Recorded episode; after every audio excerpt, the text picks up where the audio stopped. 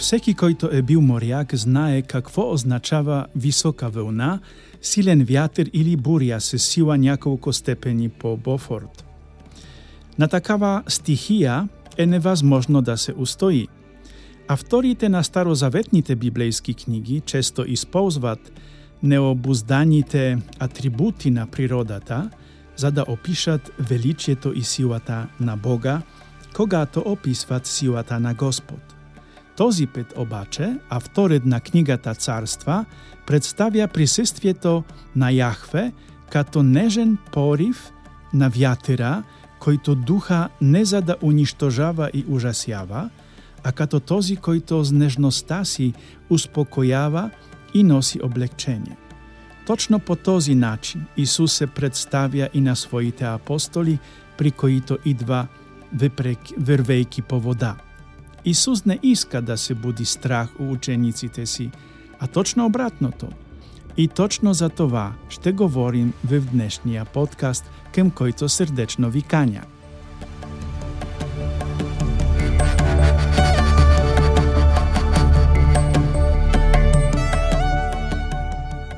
Казвам се отец Кшиштоф, аз съм капуцин, живея во Инсбрук и во моите седмични подкастове говорја за мисионерската дејност или представјам размишления върху неделните четива. Можете да намерите подкастите ми под името „Ја“ МХ на сервера podbin.com всяка собота од 12 часа българско време. Моля, не се колебајте да се присоедините кај мен.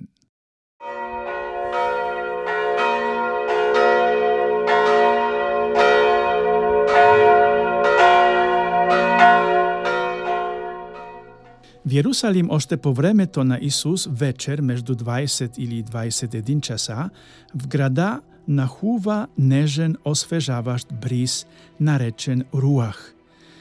След пресискналото време през деня, този лек и оживяваш бриз носи облегчение на всички живи същества в града. Тогава, въпреки късния час, градът оживява и всички негови звуци се чуват като пчелен кошер.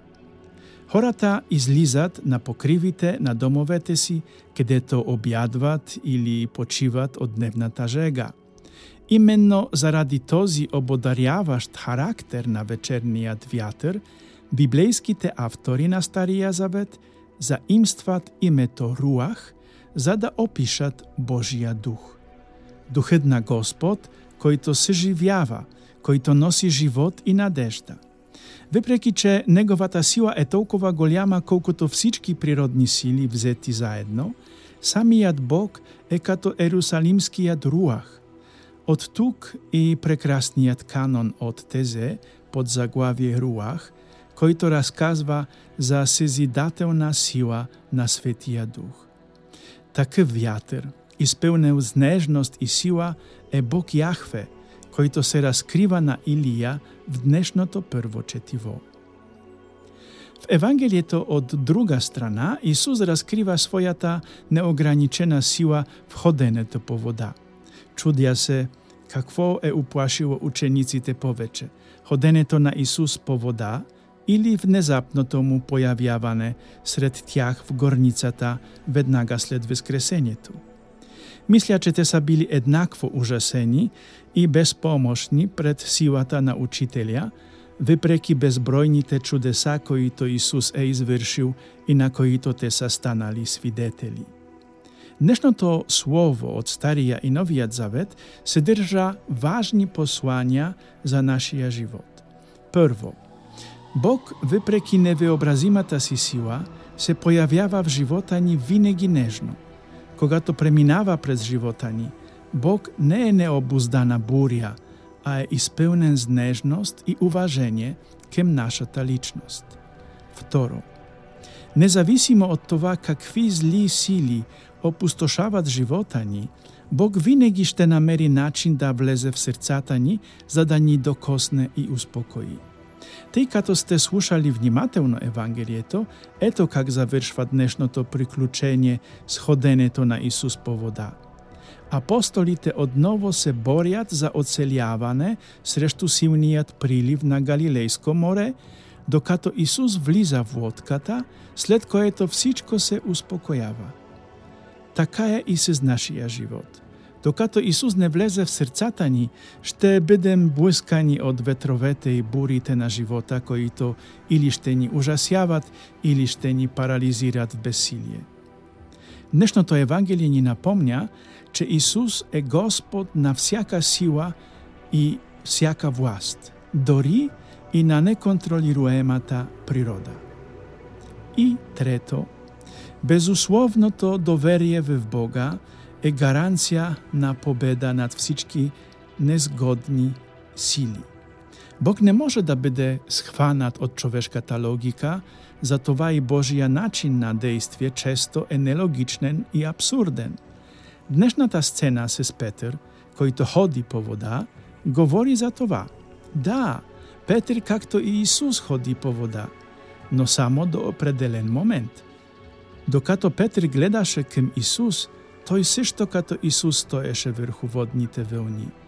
Петер започва да потива, когато тој погледна в страни од Исус, опитвајки се да схване и да разбере какво се случва.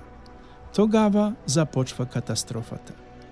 Това е насрчение за нас да гледаме ким Исус в моменти на трагедија и трудности. Да не се семњаваме в Неговата причинно-следствена сила и да не се изненадваме од начина по којто Бог дејства. Никога не се опитвајте да схванете и да разберете начините по коите Бог дејства в живота ви. Просто му се доверјавајте и гледајте кем Него. Тогава няма да се удавите во вълните на живота. И четврто, дори и да искате да разберете Божието действие, да го подредите и подчините на човешката логика – тогава напевно ще започнете да губите петја си и дори ще стоите в опасност да загубите живота си. Но дори тогава Бог, който ви обича, ще ви протегне река, както направи се с Петер в днешното Евангелие, за да не се семњавате, че Бог е с вас. Најчесто в трудни моменти од живота ви, Бог ви испрашта хора или човек – којто за вас е като реката на Исус, којато хваща да вештијат се Петр, или като спасителен појас којто ви издига на велните на живота. Скепа сестро и скепи братко, независимо од това какви житејски бури ви блескат, пуснете Исус во отката си. Виште как завршва днешното Евангелие. Когато влезе в лодката, вјатерет утихна. Това ще се случи и во вашия живот. Стига да не се семњавате и да допуснете Исус в живота си. Вашиот живот е лодка којато се отправя кем срештата с Вескресналија, а не кем това да бидете седени. Да имате живот с Него. И то не някакъв да е живот, а вечен живот. Не забравяйте, че човешкиот живот започва с зачеването и никога не свършва. Кураж, братя, Доверете се безусловно на Исус. Амин.